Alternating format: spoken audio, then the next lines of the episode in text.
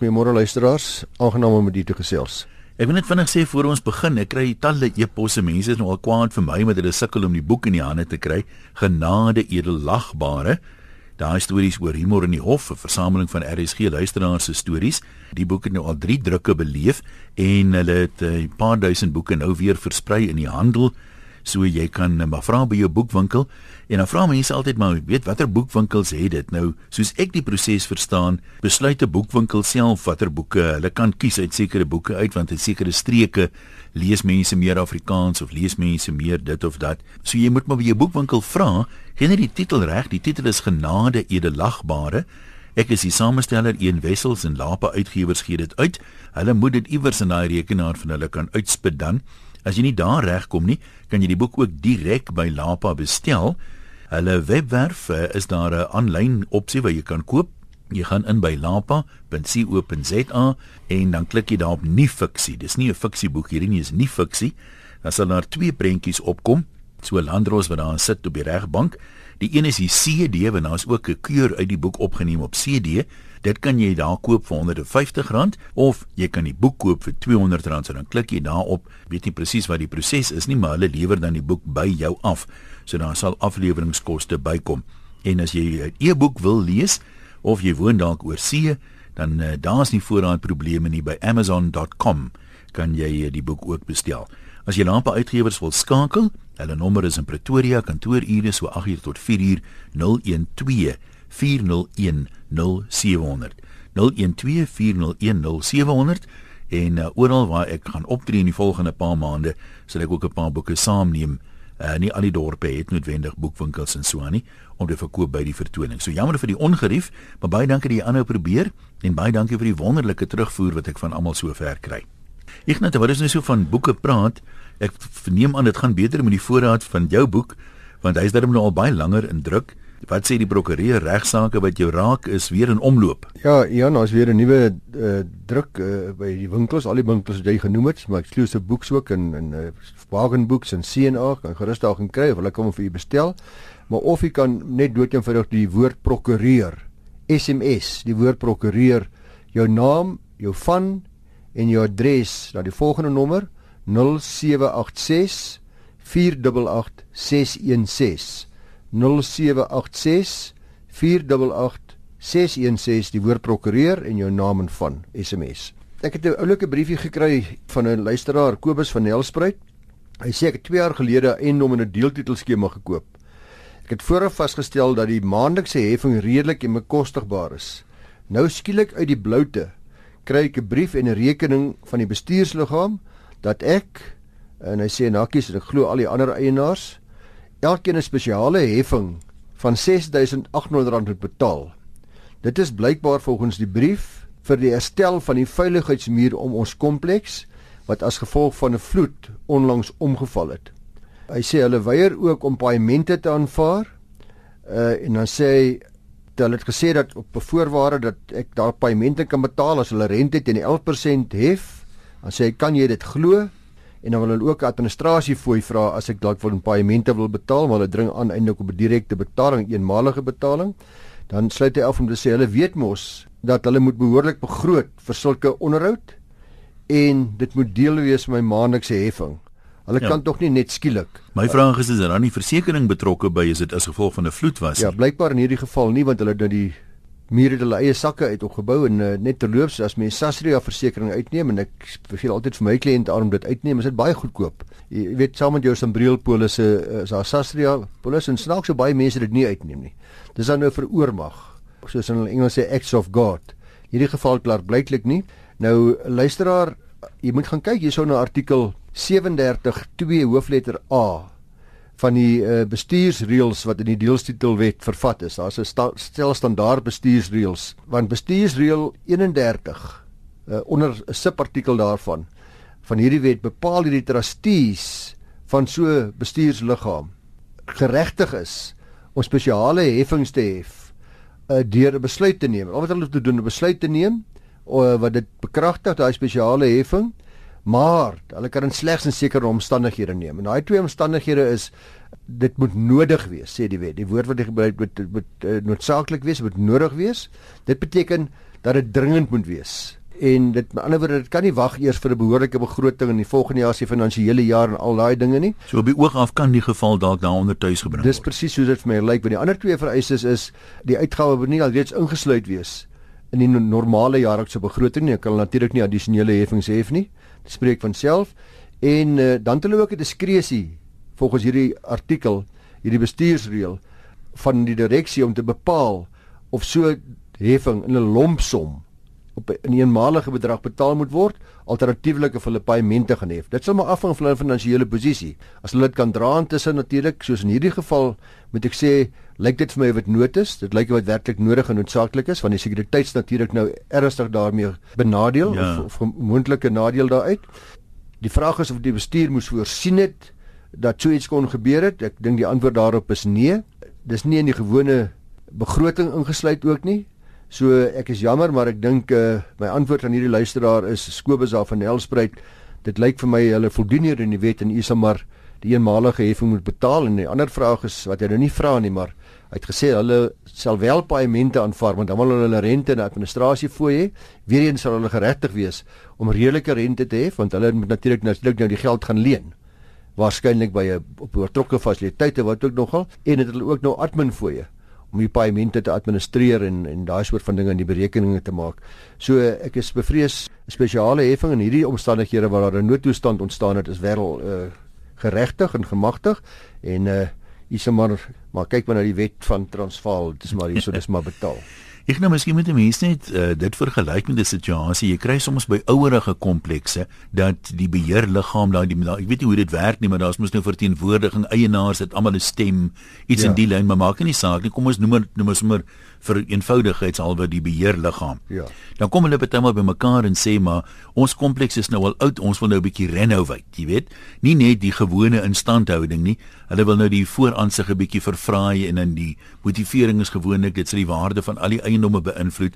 Dan stem die mense nou en sê ja, hulle gaan nou dit en dit en dit doen en hoe werk dit dan as daar 'n meerderheid stem is en ja. jy stem nie saam nie is jy nou maar in dan ook vir daai ekstra heffing of wat is jou regte om ja. te sê nee man die plek is mooi genoeg los dit wat die gewone begroting betref van elke bestuursliggaam word op 'n algemene jaarvergadering van uh, waar almal teenwoordig is al die stemgeregtigdes teenwoordig is of teenwoordig mag wees uh, en dan die normale begroting sal sal byvoorbeeld voorsiening maak vir normale onderhoud baie van hierdie beheerliggame sal ook voorsiening maak vir 'n gebeurlikheidsfooi en dan 'n bietjie vir die onvoorsiene 'n voorsieningsbedrag daarin sit wat dan goedgekeur word en daai goedkeuring met normaalweg soos enige ander besluit moet normaalweg goedgekeur word. Uh wanneer daar uh, spesiale besluite geneem word, dan is daar 'n uh, ander persentasie wat goedgekeur moet word, maar die normale onderhoud en verbetering in die instandhouding sal 'n normale besluit wees wat met 'n meerderheid stem deurgevoer word. Maar kom ons sê spesiale besluite is nou 2/3 byvoorbeeld. As jy ja. nie derde is in die minderheid dan is jy verplig. Jy kan nie dan sê ek het mos gesê ek wil dit nie hê. Korrek, ongelukkig nie, maar uh, die gewone demokratiese reëls geld daar. Reg, ons kan nog een inpas in die helfte.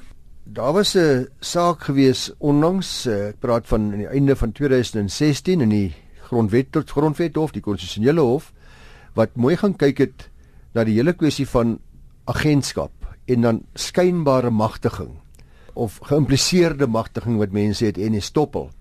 Uh daar was 'n agent gewees met die naam die appellant hierso se naam is Makate versus Vodacom. En hierdie Makate was in 2000 was hy in diens geneem as 'n leerling rekenmeester deur Vodacom. By tydens sy diensbestek by Vodacom het hy die winsgewende konsep van please call me uitgedink. Hy het dit geskep. Dit was sy sy breinkind gewees hmm. volgens hom. Dit het vooraf betaalde Vodacom gebruikers aan toegelaat om gratis SMS boodskappe te stuur na ander Vodacom gebruikers. Almal van ons weet waarvan ek praat. Uh Geisler was toe direkteur van Vodacom en mondelings met Makata ooreengekom om te vergoed hiervoor. Uh hulle het verder ingestem dat indien geen ooreenkoms bereik kan word nie, dan nie sal die vergoeding bepaal word deur Vodacom se hoofuitvoerende beampte. Dit was die mondelings ooreenkoms. Ek sal jou betaal. Baie dankie. Hierdie is 'n wonderlike konsep. Ek dink ons gaan dit gebruik. Ek gaan jou betaal. Ek's die direkteur hierso. Maar as ons dan nie oor kan regkom nie, gaan ons die hoofuitvoerende beampte gaan dan die finale sê om te besluit wat die vergoeding moet wees. Nou hulle kon toe nie besluit oor die vergoeding nie en later het die destydse uitvoerende hoof van Vodacom, eh, ene meneer Notcray, uh, na bewering vaslik beweer dat please call me sy idee persoonlik syne. Sy persoonlike mm -hmm. breinkind was dit. Dit sy produk was. Nou Magate het toe natuurlik uh, lont geryk en hy het toe hogeres of aksie ingestel teen Vodacom om sy ooreenkomste af te dwing uh, met Geisler wat uh, toe direkteur by daai stadium was. Vodacom betwis die bestaan van so 'n ooreenkoms en voer aan die alternatief aan dat Geisler nie werklik 'n uh, magtiging gehad het nie.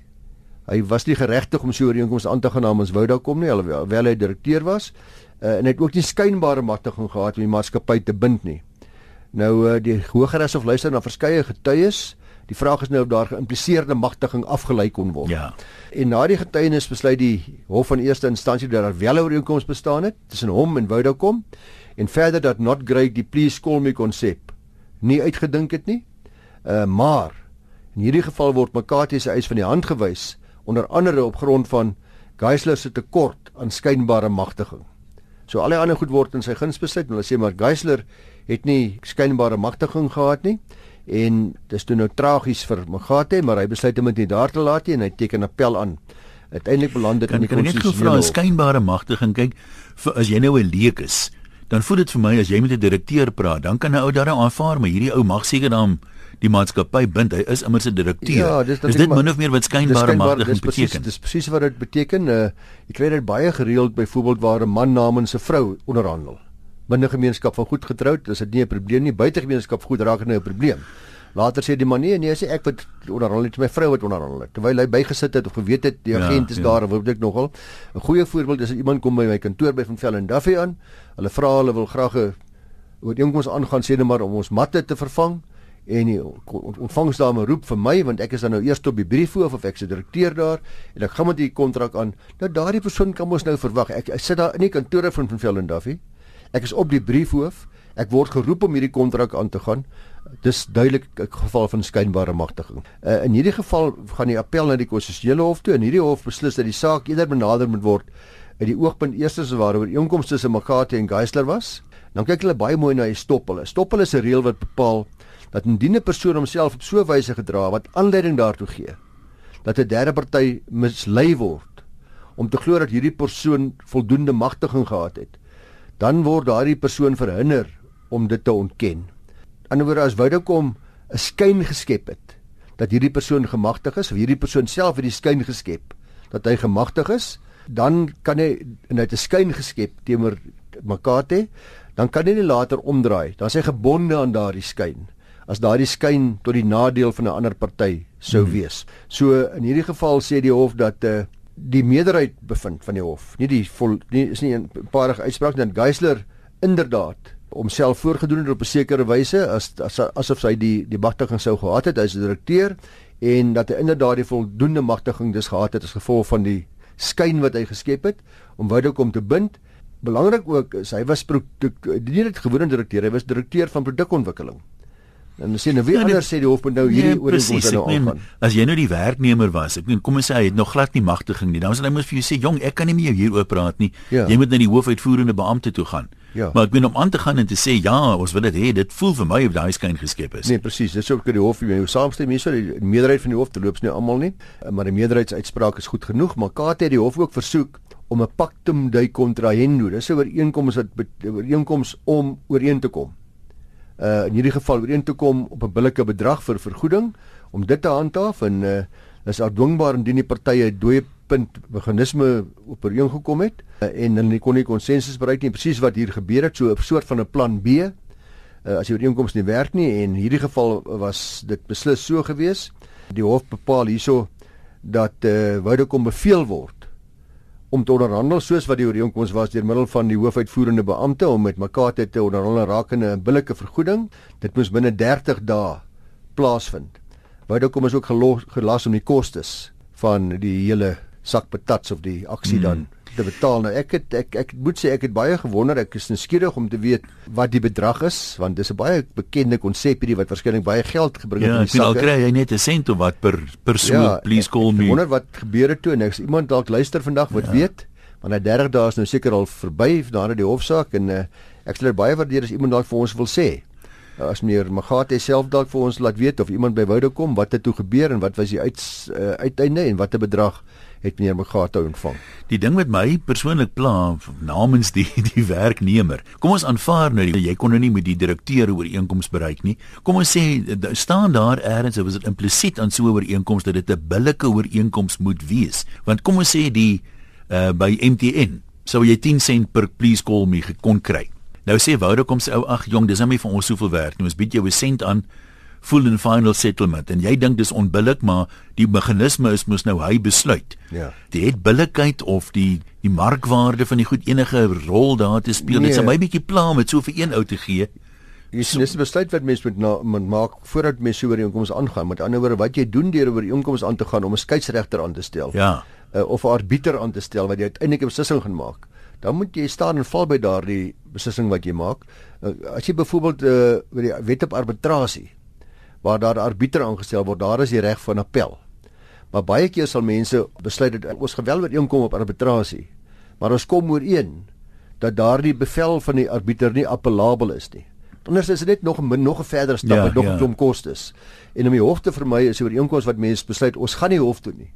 Ons sal staan en val by hierdie persoon uh, se diskresie uitoefening, se billetjie een, maar enige arbiter of enige skeieregter of enige persoon wat dan nou optree in hierdie hoedanigheid om 'n finale besluit te maak, uh, moet sy diskresie op billike wyse uitoefen by gebreke waarvan daar dan ook 'n reg op hersiening is as daar prosedures en dinge nie reg is nie kan hy kan hy dit op uh, hersiening neem maar dit sal aan die einde van die pad wees.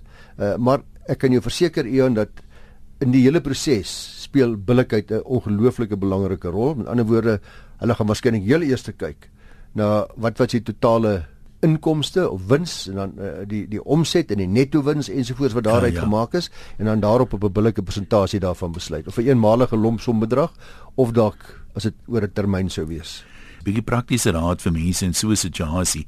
Ek wil nie slim klink nie, maar as dit ek was, dan sou ek daai selfde aand 'n e-pos gestuur het vir daai direkteur en sê, "Dankie vir ons geselsie vandag. Ek bevestig dan dat ons ooreengekom het. Ek het hierdie idee uitgedink. Julle gaan dit gebruik. Ons gaan praat oor 'n moontlike vergoeding en as jy nou nie op iets kan neerkom nie, dan gaan die groot baas daarby uitkom, maar dan jy ten minste 'n papierspoor is. As iemand agterna sê dit jou idee nie is myne, dan kan jy ten minste sê, "Maar kyk hier, ek het 2 jaar gelede al vir hierdie direkteur skriftelik dit bevestig, dan dan dink ek maak dit net baie makliker. O ja, absoluut so. Uh, Janneman van die Noord-Kaap sê hy is nou lekker keelvol. Hy gebruik 'n baie sterker woord sê hy vir boorgat eienaars. nou ja. uh, ek lees 'n stukkie uit die brief. Hy sê ek en vroutjie lief is nou geevol. Ons tuin lyk soos 'n woestyn. Ons vis en ons visdammetjie snak na vars water. En ons dink nou saans ons klippies byna skoon. dan sê hy Hoekom? Waterbesparingsmaatreëls in ons dorp. Ons is deel van die skaarse loyale spesies wat luister na ons dorp of na ons land as hulle hulp vra met waterbesparing, maar dan sê as die buurman langsaan se tuin lyk soos 'n lushof, sy swembad is vol en sy kar is blink gewas. Hoekom? Ja, want hy het 'n boorgat. Die ondergrondse water behoort pas nie aan hom nie moet dit tog dieselfde hanteer word as al die ander inwoners wat nie water mag gebruik nie. Dan wil hy weet wat sê die reg nou Janeman, uh, ek moet dadelik bieg. Ek het nog nie kans gehad om hoorlik te gaan kyk nie. As daar miskien luisteraars is wat vir ons die kan sê presies wat uh, in hulle dorp die regsposisie is, ek sal gaan kyk en weer terugkom, maar wat ek wel vir hom kan sê is dat daar is inderdaad wetgewing van toepassing onder die nasionale waterwet word daar gepraat van sogenaamde stedelike boorgate en presies wat 'n stedelike boorgat eienaar op geregtig is of nie. Hy's 100% reg, die luisteraar. Hy sê daai water behoort eintlik aan almal. Daar's geen water wat aan wat onder die grond loop wat net aan my alleen behoort. Dit behoort aan ons almal en daarom is daar besliste beperkings hoe dit gebruik moet word. Maar soos ons nou almal weet, ons mag wel daardie water gebruik vir sekere doeleindes wat insluit om te drink. Vir jou tuin mag jy dit beslis gebruik en dan ook vir jou diere. Dit weet ek staan in die wet. Nou hoe ver dit nou gaan wat betref 'n swembad. Ja. Of motorwas. Wat ek wel weet, baie munisipaliteite, ek het toevallig terwyl ek met vakansie was nou op 'n paar plekke en 'n ry ou nou rond. Uh dis blykbaar 'n vereiste dat as jy 'n boorgat het, sê net maar die die beperkings is jy mag nie jou tuin nat spuit nie. Korrek. Dan moet jy 'n bordjie eers vertoon op die perseel wat iemand kan sien. Dit staan gewoonlik staan daar net 'n boorgatwater of gryswater noem hulle ja, dit. Ja, ja. Dat is as 'n amptenaar nou seker sien, hey, hierdie ou se spreier aan, dat hy dan nou weet dit is nie uit hulle watervoorraad wat die voorraad kom nie maar ja ek dink ek dink jy's reg ek dink jy ek het 'n vermoede dat uh, die en ek gaan nou vir ons luisteraars mooi uitvind behalwe as mense intussen vir my die, die regte spore kan plaas dat elke dorp of elke gebied uh, provinsiale rade en ook dorpsrade het reëls in hierdie verband en ek dink die dorpsrade en munisipaliteite dan die stadsrade kan hierdie reëls dan toepas tot op die mate wat hulle dit sou goed vind, ook op boorgateienaars. Maar dat 'n boorgateienaar in terme van die wet geregtig is om sy boorgatwater te gebruik vir sekere basiese ja. goed. Dis verseker waar. Nou mense wat wel met jou wil kommunikeer hieroor, kan hulle e-pos igna@ffd.co.za. Asseblief ja, ook die navraag wat ek gehad het oor wat is wat was die inkomste Woudokom en Mogate se uiteindelike uh, bedrag wat hulle opgeskik het sal nog interessant wees. Die praktiese effek van die nasionale kredietwet luisteraars, dit is uh, hierdie wet het by sy inwerkingtreding, ons het al 'n paar maal daaroor gesels, ongelooflike verrykende gevolge gehad op baie fasette van die Suid-Afrikaanse handel en besigheid en ook op ons gewone mense. Die wet is van toepassing op elke krediettransaksie tussen partye wat op 'n armlengte basis aangegaan is binne die grense of met effek binne die grense van die Republiek van Suid-Afrika. Maar daar sekerre uitsonderings wat daartoe kan lei dat die wet nie van toepassing is en ek wil net so breedweg daaraan raak. Onder andere byvoorbeeld oor inkomste waar die verbruiker die staat of 'n staatsliggaam is, uh, dan is die ooreenkoms nie van toepassing nie of as die verbruiker 'n regspersoon is tesame met 'n met ander regspersone met 'n bateware of jaarlikse omset vir meer as 1 miljoen rand, aan die ander wyse die groter maatskappye uh eh, WK's ensovoorts. Dis belangrik om daar te let dat trust, want dit kry nogal gereelde navrae oor in sekere omstandighede as regspersone onder die nasionale kredietwet geag word. Dit sal wees waar die trust 3 of meer trustees het of waar een van die trustees self 'n regspersoon is, dan word daardie trust ook geag om nie gebonde te wees aan die wet nie.